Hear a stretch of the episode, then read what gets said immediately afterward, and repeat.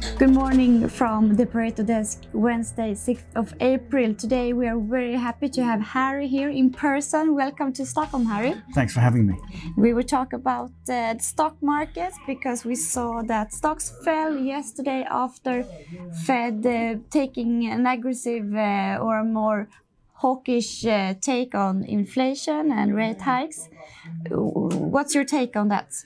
Well, I think that's one of the big risks for equity markets at the moment is that inflation is uh, becomes out of control, inflation expectations become unanchored, uh, and interest rates and bond yields and rates across the curve have to start moving up even more aggressively than they have, and then that puts pressure, particularly on the tech and growth parts of the equity market. So I think that's a key risk at the moment. Um, and I suspect, though, what we're talking about is a, is a phase of rotation out of tech and, and into others rather than a bear market. Mm-hmm. So could we just simplify? What red lights and what green lights do you see for stock markets? Yeah, well, in terms in terms of red lights and things to worry about, inflation is clearly one of them.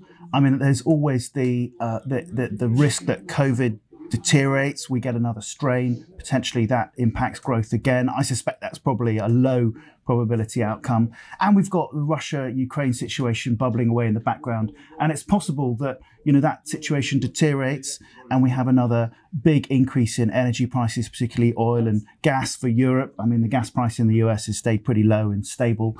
Um, so that's that's a, that's a potential challenge. China is also a potential risk growth slowed down very significantly.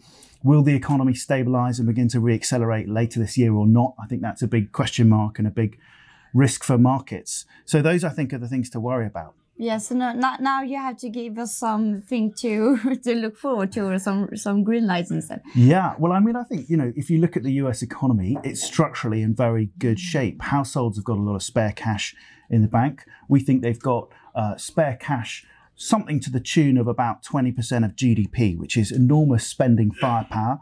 Spending growth is very strong. We're seeing a releveraging of the household sector. If we look at home equity withdrawal, money is still very cheap. The Fed has only really just started raising rates. If you look at real interest rates, they're minus 6%. So they're deeply negative. All of that, of course, is encouraging uh, and positive for the economic and earnings outlook. Um, and of course, therefore, the uptrend in the equity market.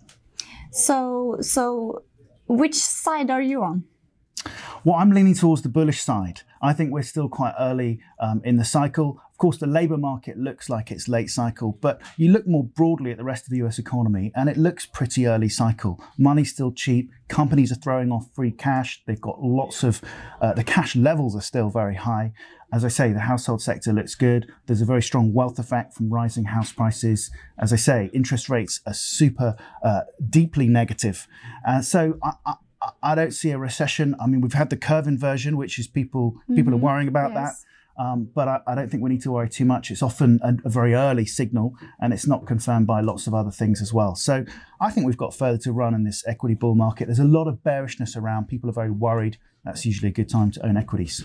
And you talked about uh, tech stocks and the rotations from uh, from go- growth to value we haven't we already seen that yeah do you we, think it will continues or do you think it will be rotating back? Yeah i think that's the key theme for this economic cycle and for this bull market in equities which is one of higher and rising uh, bond yields which drives rotation out of growth and into the value and, and, and, and cyclically sensitive parts of the market. So you're absolutely right. It's already been happening I think there's much more of it to come. And the template for thinking about this was probably the early noughties economic expansion from around, you know, 2000 to 2007. Bond yields, you'll remember, really it was 2003. We had the low in bond yields. They then trended up to 07. We had outperformance of cyclical parts of the global equity market. I think that's what we're going to see again for the next few years. Mm, and and and last but not least, I have to to ask you about the, the rate hikes. How many are priced in now? Well, we've got about nine, eight or nine hikes priced in uh, for this year. We've got a couple more priced in for next year, um, and yeah, I think the Fed are going to deliver on those. You know, you think so? Yeah, I think they will. And inflation, it seems like the underlying trend in inflation is very poor. If you look at median inflation, um, it's been deteriorating very significantly. The breadth of inflation across the CPI subcomponents has been increasing. Um, you know, as I said earlier, inflation expectations are going up very significantly, and I think the Fed want to fight this, get on top of it.